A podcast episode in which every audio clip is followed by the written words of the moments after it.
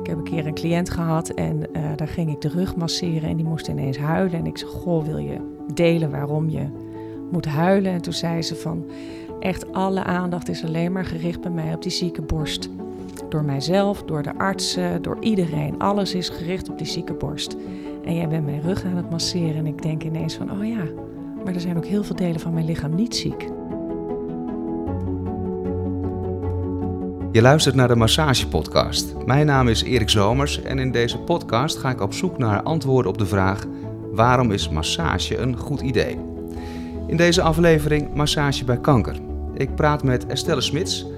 Als massagetherapeut heeft zij zich gespecialiseerd in oncologie-massage en ze is directeur van het Instituut Massage bij Kanker, dat nationaal en internationaal bekend staat om hun trainingen en expertise. Estelle, dankjewel dat je mijn gast wil zijn. Ik vind het ook erg leuk. De eerste vraag van de podcast is eigenlijk altijd: waarom is massage bij kanker een goed idee? Ja, goede vraag. De massage, waarom is massage een goed idee, is al een mooie vraag. En massage bij kanker sluit denk ik naadloos aan op de oorspronkelijke vraag van de podcastserie.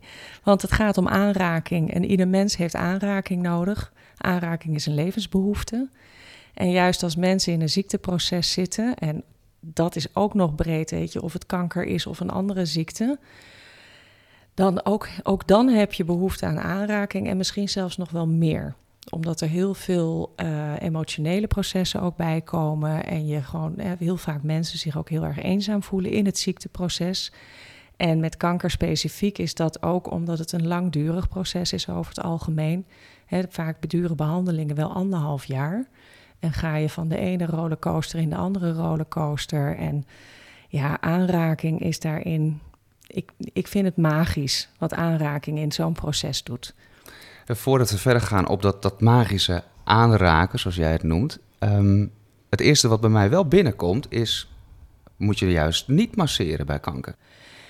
Eigenlijk is het idee geweest inderdaad van toen er nog weinig bekend was over hoe uitzaaiingen nou tot stand kwamen. Van ja, maar massage stimuleert de bloeddoorstroming en het lymfestelsel en uitzaaiingen gaan via het bloed of het lymfestelsel. Ergo, massage stimuleert aan uitzaaiingen. Nou, inmiddels is er natuurlijk veel meer bekend over hoe uitzaaiingen tot stand komen. En um, daar zitten gewoon heel veel stappen in. En een van de stappen is dat een tumorcel in de, bloeddors, in de bloedstelsel terecht kan komen. Maar uh, met massage uh, kan jij niet beïnvloeden dat een tumorcel losraakt van de tumor. Dat is al stap 1. dat gebeurt gewoon door andere processen in het lichaam. Dan komt die tumorcel in het bloedstelsel en dan ga jij met massage het bloedstelsel stimuleren. Dat betekent wat je stimuleert is dat het bloed sneller doorstroomt. Maar daarmee bewerkstellig jij nog niet dat een tumorcel in dat bloedstelsel afslaat naar een ander orgaan. En je stimuleert ook niet dat die tumorcel een plekje vindt in dat andere orgaan wat geschikt is om verder te gaan groeien en ook nog weer daar een tumor kan worden. Dus er zitten gewoon een heel aantal stappen die je niet met massage kan beïnvloeden. Mits Mits. Je wel een aantal aanpassingen doet. Oké. want als jij direct met heel veel druk op een tumor gaat lopen masseren, ja, dan kan je wellicht best bewerkstelligen dat een tumorcel losraakt. Dus dat moet je gewoon absoluut niet gaan doen. Hm. Maar anders dan is het, uh, het is niet bewezen dat het uitzaaiingen kan bevorderen. Het is ook niet bewezen dat het het niet doet. dus er is, geen, er is nooit wetenschappelijk onderzoek naar gedaan. Dus dat ga ik hier ook niet beweren. Maar als je op een logische manier denkt, dan is het niet logisch dat je met massage uitzaaiingen kan bevorderen. Maar het is wel de bedoeling dat je als masseur weet wat je doet. Ja, dat is absoluut. En um, ik krijg heel vaak de vraag van ja, maar als ik het nou toch gewoon zachtjes doe, dan hè, en ik doe het op mijn intuïtie, dan kan het toch allemaal geen kwaad. En um, het punt is dat um, je gewoon een ziekte niet moet onderschatten van wat dat allemaal doet met een lichaam. Ik vind dat bij elke ziekte moet je ontzettend goed weten wat de ziekte inhoudt, wat de behandelingen zijn die zo'n cliënt krijgen en wat de uitwerking van die behandelingen is, wat voor bijwerkingen er zijn. En bij massage bij kanker geldt dat heel specifiek. Waarom het ook een specialisatie is, omdat kanker een hele complexe ziekte is. Je hebt al meer dan 100 verschillende soorten kanker. Dus alleen daar al kennis van hebben is handig. Van waar het allemaal kan zitten en wat dat voor klachten kan geven. Daarnaast heb je over het algemeen niet één behandeling die gegeven wordt, maar meestal een combinatie van drie. heel vaak wordt chirurgie gedaan, chemotherapie en radiotherapie. Bij borstkanker, prostaatkanker ook nog eens hormoontherapie. En al die vier behandelingen hebben een ongelooflijke lange waslijst van bijwerkingen. En echt vervelende bijwerkingen, waar je met massage de klachten kan verergeren. Kun je daar een voorbeeld van, uh, van geven? Want dat was juist een van de dingen die ik ook wilde weten. Kun je altijd in elk stadium van kanker, in elke fase van de behandeling, kan je altijd masseren? Of ja. is het antwoord ja, maar weer mits? Uh, je kijkt gewoon heel goed naar wat er allemaal speelt bij een uh, cliënt. Dus ik masseer zelf ook drie uur per week in het ziekenhuis. En ik krijg van de verpleging krijg ik informatie over die patiënt. En van, en van daaruit bepaal ik of ik kan masseren of niet. En daarin gebeurt het nog wel eens dat een verpleegkundige denkt van... oh, je kan prima masseren. En dat ik zeg van nee, deze persoon ga ik niet masseren. dus daarin is ook dat heel vaak gezegd wordt van... ja, maar als de arts maar toestemming geeft... dan kan ik gewoon maar gaan masseren. En dat is niet zo, want een arts weet niet wat massage kan bewerkstelligen... en wat massage precies inhoudt, wat jij daarmee doet. hij is expertise op de oncologie en wij zijn expertise en wij hebben de expertise op massage. Ja. En wat, wat voor soort massages geef je dan aan, uh, aan iemand? Het is echt bij elke patiënt en cliënt kijk je wat er aan de hand is en wat er gemasseerd kan worden. In principe kunnen we alles masseren.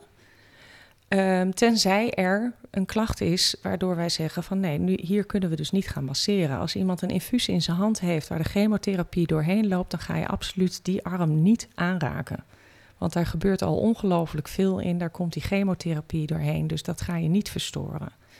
Dus dat, daarin kijken we heel goed van ja, wat, wat speelt er in het lichaam, bij de verschillende lichaamsdelen ook. En wat kunnen we masseren? En wat wij doen is dat we masseren op het uh, parasympathisch zenuwstelsel. En dat betekent dat het eigenlijk niet uitmaakt waar je masseert, want het heeft altijd een effect op het gehele lichaam qua ontspanning. Dus de ene keer masseer ik de voeten, de andere keer masseer ik één hand. En soms masseer ik, hè, in de praktijk komt het vaker voor dat je ook wel de rug kan masseren, het gezicht. Dus, dus ja, in feite kan alles maar je kijkt naar de mogelijkheden binnen wat er allemaal speelt aan klachten. Ja, dat parasympathisch zenuwstelsel heeft natuurlijk alles te maken met, uh, uh, met rust, ja. ontspanning, herstel. S'nachts als je slaapt, dat is het moment waarop het aanstaat. Zou moeten staan. Of, ja. Oh, zou moeten staan. Ja, is dat anders bij iemand die, die kanker heeft? Nou, ik, ik, dat is uh, een beetje een eigen logica hoor, die ik daar um, op loslaat. Um, dat het zal zeker wel enigszins in werking gaan, maar met het parasympathisch zenuwstelsel en het sympathisch zenuwstelsel. Je weet natuurlijk met het sympathisch zenuwstelsel is eigenlijk wat actief wordt als er een beer op je, voor je neus staat. Hè? Dus als er een echte daadwerkelijke bedreiging is.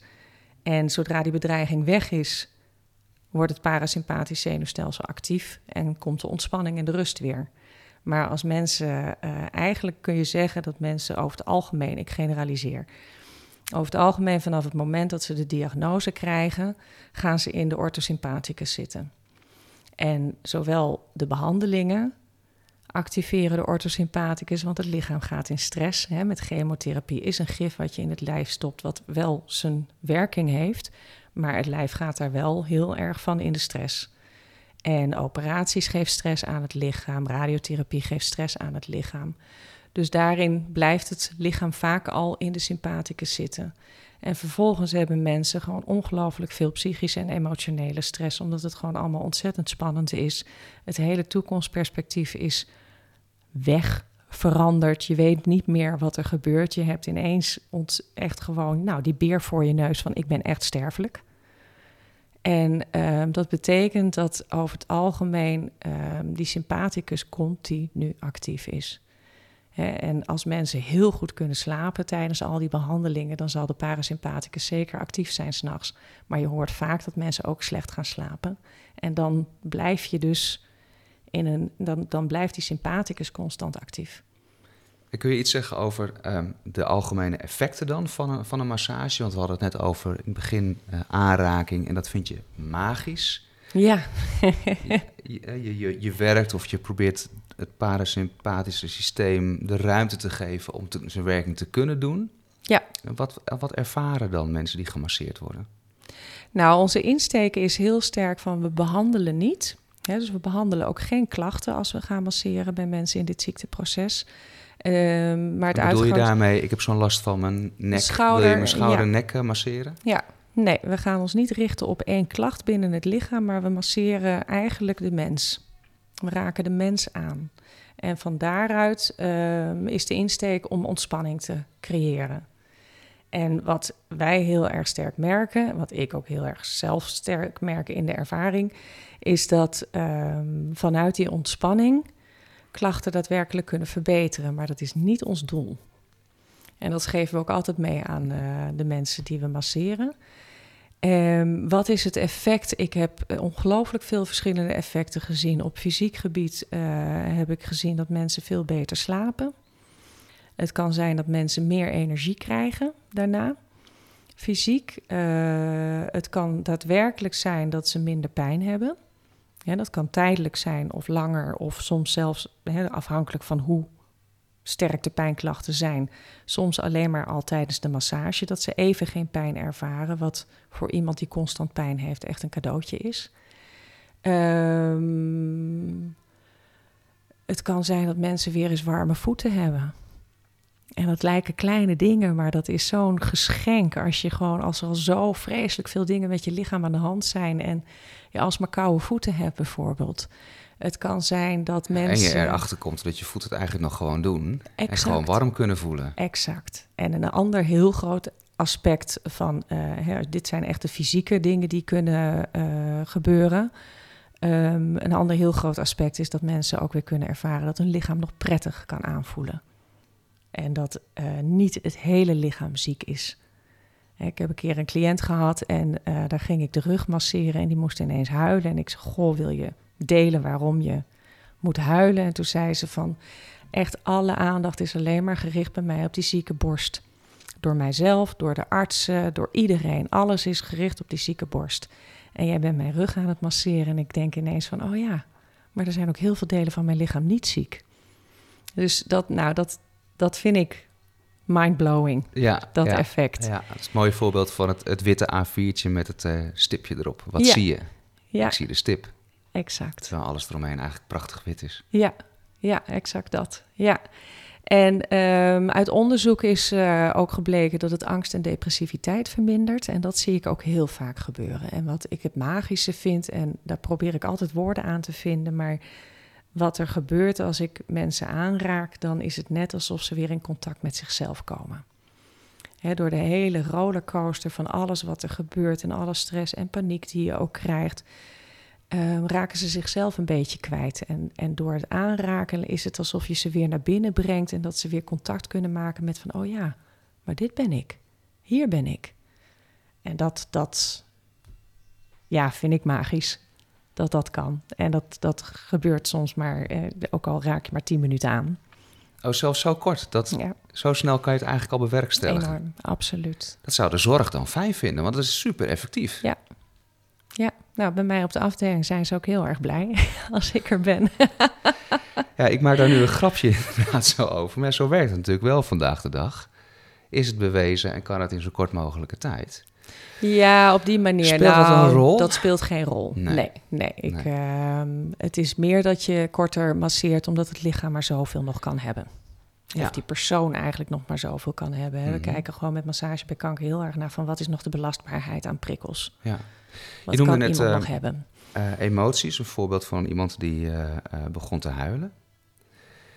Um, nou, is de gedachte vanuit de massagetherapie dat emoties zich ook vastzetten in het lichaam. Mhm. Ehm, en je raakt mensen aan, waardoor je ook die mens en die emoties aanraakt. Um, ga je daar bewust mee naar op zoek of ben je daarmee bezig? Of is het puur, we gaan voor de ontspanning en het contact met jezelf. en de rest, het therapeutische deel, laten we? Ja, mooie vraag. Ehm, het therapeutische deel laat ik. En dat betekent niet dat je uiteindelijk therapeutisch bezig bent. Maar mijn insteek is niet therapeutisch. En wat ik merk is dat mensen dat ook ongelooflijk fijn vinden, want ze krijgen al zo vreselijk veel therapieën. Dus ze moeten daar, uh, nou sowieso natuurlijk de behandelingen in het ziekenhuis. Dan moeten ze vaak naar een oncologie-fysiotherapeut. Als ze het heel erg zwaar hebben, gaan ze naar een psycholoog. Uh, dus er komt van allerlei oedeemtherapeut. En bij mij is het juist gewoon allemaal even niet therapeutisch, maar dat alles er mag zijn. Dat de uitwerking daarvan wel therapeutisch kan zijn, is duidelijk. Um, ik ga niet op zoek naar emoties en ik kijk ook altijd van tevoren heel goed naar het hele verhaal wat ik krijg op papier vanuit de anamnese, maar ook van die persoon zelf nog. Van ook daarin, wat is de belastbaarheid? Want mensen zitten in een survival mode, zeker tijdens die behandelingen. En dan, hè, we denken heel vaak van ja, maar het is goed als de emoties eruit komen. Maar dat is soms helemaal niet waar die persoon op zit te wachten. Omdat hij zich sterk wil houden en moet houden, ook wel op een bepaalde manier, om door die behandelingen heen te komen. Om te blijven staan. Dus dat is ook iets wat je gewoon, hè, dat, dat geef, leren we in de training ook heel erg die wij geven. Van kijk echt heel goed naar wie je voor je hebt en laat je, uh, ik wil dingen oplossen thuis. Tijdens ons, ons gesprek heb ik het idee dat het vooral gaat om mensen die uh, bijvoorbeeld nu in het ziekenhuis een behandeling krijgen. En gedurende die dag is er ook een moment waarop ze uh, gemasseerd kunnen worden. Um, waar heeft massage een plek in heel die periode nog daarvoor, voor de behandelingen en zeker ook die lange periode daarna, dat de behandelingen minder intensief worden, frequentie neemt af of op een gegeven moment zijn ze ook gestopt? Of misschien zelfs wel bij mensen die al in hun laatste levensfase uiteindelijk komen. Waar heeft massage bij kanker dan een functie, een plek? Massage bij kanker heeft eigenlijk een functie vanaf het moment van diagnose tot heel lang daarna. dus we zeggen altijd van het kan uh, vanaf het moment van diagnose, het kan in het proces van de behandelingen. En uh, het kan uh, zeker ook heel veel goeds doen als mensen klaar zijn met de behandelingen en schoon verklaard zijn. Want dan krijgen mensen heel vaak de, ja, alles te verwerken van wat er is gebeurd in die periode van behandelingen. Het hele ziekenhuissysteem stopt wat best wel een houvast is. dus je hoort vaak dat mensen in een zwart gat vallen. En ehm, dat ze ook nog heel veel late gevolgen hebben. ze hebben vaak nog heel veel last van vermoeidheid, die uh, heel lang kan aanhouden. Uh, ze kunnen echt nog last hebben van uh, nou, dat ze bewegingsbeperkingen hebben door de operaties. Ze kunnen last hebben van neuropathie. dat is een aandoening van uiteinde van de lange zenuwen, wat gebeurt door de chemotherapie onder andere. En daarin kan massage ook nog steeds een ja, heel waardevol, waardevolle ondersteuning zijn. In het, uh, ook in het verwerkingsproces van wat er allemaal gebeurd is. En ook weer in het leren vertrouwen van je eigen lichaam. Ja, want dat ben je wel de meeste dat kwijtgeraakt. Heel vaak zijn mensen dat kwijt, omdat ehm, je ook ja, over het algemeen bij de meeste tumoren heb je hem helemaal niet gevoeld. En voel je wel wat vage klachten van hm, het zit niet lekker. Maar um, die klachten zijn in geen verhouding tot de diagnose die je dan op een gegeven moment krijgt, want je hebt een levensbedreigende ziekte. Dus dat vertrouwen in het lichaam, dat, dat is vaak kwijt. En het lichaam is alleen maar behandeld als een ziek iets. En als iets wat gerepareerd moet worden. En um, dus daar, ja, in die, in die nafase van als mensen schoonverklaard zijn, kan je daarin heel veel betekenen. Ook in het rouwproces, wat ook nog vaak op gang komt. Van het verlies van, van, ja, je lichaam is niet meer zoals het was. Je toekomstperspectief is niet meer zoals het was. En daar kan uh, massage heel veel in doen. En tenslotte in de palliatieve en terminale fase is massage ook een waanzinnig mooie ondersteuning. Dus het kan altijd mits je de aanpassingen weet te doen die er gedaan moeten worden. En daarmee maak je zelf meteen mooi een bruggetje naar het uh, uh, instituut Massage bij Kanker. Ja. Want daar ben je directeur van. Ja. Um, richten jullie je vooral op het uh, geven van trainingen en spread the word bij oncologie specialisten? Of zijn er nog andere dingen waar jullie op richten? Nou, ons doel is eigenlijk heel breed, of onze missie is heel breed, van massage toegankelijk maken voor mensen met de ziekte kanker. En vanuit het instituut doen we dat door trainingen te geven. En, uh, maar ook door uh, kennis te delen. Dus dus uh, op, wij masseren, we hebben in, inmiddels een netwerkmassage bij kanker ook opgericht. En dat zijn gespecialiseerde massagetherapeuten. En daarmee staan we eigenlijk op bijna alle patiëntenverenigingen. Dus, dus de hematon heb je voor de hematologische kankers. Je hebt de borstkankervereniging. Je hebt Stichting Olijf voor gynaecologische kankers. En um, die hebben altijd patiëntendagen, dus landelijke patiëntendagen. En daar geven wij ook massages om kenbaar te maken van dit is er en dit kan een ondersteuning voor je zijn. Um, we PR'en ook veel bij ziekenhuizen en we proberen ook wel daadwerkelijk toegang te krijgen tot ziekenhuizen, dat het ook daar op de afdelingen gegeven kan worden. Dus we zijn eigenlijk op heel veel terreinen breed zijn we bezig om te zorgen dat het gewoon bekend wordt dat het er is. En we promoten niet van je moet massage nemen als je kanker hebt, maar juist heel sterk van weet dat het er is en dat het ondersteunend kan zijn. Ja. En hoe wordt dat dan ontvangen bij de, uh, nou, de reguliere uh, zorg, de reguliere oncologen in dit geval? Ja, over het algemeen heel positief. Dus uh, we hebben intussen, hè, er is natuurlijk een enorme ontwikkeling geweest uh, in de jaren dat we er nu bestaan. En ik zie daarin een, uh, echt een grote opening, zeker de afgelopen jaren vanuit ziekenhuizen, dat zij er ook tegenaan lopen van ja, wij kunnen ook maar zoveel betekenen voor de patiënt. En juist op het vlak van de stress en hè, de wel wat meer stressgerelateerde klachten um, ja, is het soms heel moeilijk voor hun om daarin ondersteuning te kunnen bieden. En zoeken zij ook naar van ja, wat kunnen we daarin betekenen voor de patiënt, intern of extern. En um, dus we hebben inmiddels bij heel veel ziekenhuizen liggen de flyers van het netwerk. Hè, waarin ook uh, verpleegkundigen gewoon een flyer meegeven aan een patiënt van goh, misschien helpt dit je. En daarnaast zien we dat ook steeds meer ziekenhuizen uh, ervoor open gaan staan dat ze het ook echt daadwerkelijk effectief op een afdeling willen aanbieden. En wat ik daarin zie is dat, uh, hè, als ik kijk naar mezelf, ik doe dat nu zes jaar inmiddels al. En um, ik, dat was een van de eerste, er waren twee andere ziekenhuizen waar het gedaan werd betaald. En wat ik zie is wat de verpleging en de artsen ontzettend fijn vinden, is dat als er een patiënt gewoon inderdaad er zo zwaar doorheen zit, dat zij ook met hun handen in hun haar zitten. Van ja, we, we willen heel graag die patiënt helpen, maar we weten gewoon niet meer wat we moeten doen. En dan plopt Estelle op en dan zeggen ze: Estelle, wil jij niet eens even langs gaan? Ja. Je zei net het woordje tussendoor uh, betaald, dat het betaald wordt. Ja. Um, wordt het inmiddels ook, worden masseurs inmiddels ook betaald om deze massage te geven? Nou ja, als je het in je eigen praktijk aanbiedt, is het niet meer dan logisch dat je net als alle andere mensen betaald wordt, hè, betaald wordt voor uh, deze massages. Um, en maar met voor elke therapeut de keuze om het gratis te doen. Maar in principe, ja, het is gewoon jouw werk. En um, mijn insteek is ook wel van, ja, weet je, mensen, mensen betalen ook, investeren ook tijd en geld in een specialisatietraining ervoor. Zodat ze gewoon ook daadwerkelijk heel goed weten wat ze wel en niet kunnen doen. Dus daarin vind ik het ook niet meer dan terecht dat je ervoor betaald mag worden. En in ziekenhuizen wordt het deels vrijwillig gedaan en deels uh, zijn er ziekenhuizen die dat betaald uh, aanbieden. Ja.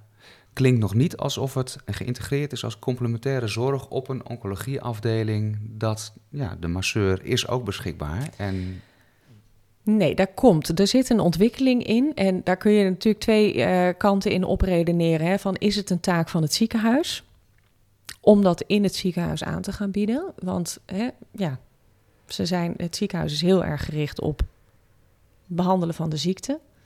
En massage behandelt de ziekte niet, maar ondersteunt wel de persoon in de ziekte. Maar ik zie wel uh, dat het steeds meer gebeurt. Dat die behoefte, wat ik net zei, ook van die behoefte bestaat er wel steeds meer bij ziekenhuizen om op dat gebied ook iets aan te bieden van complementaire zorg.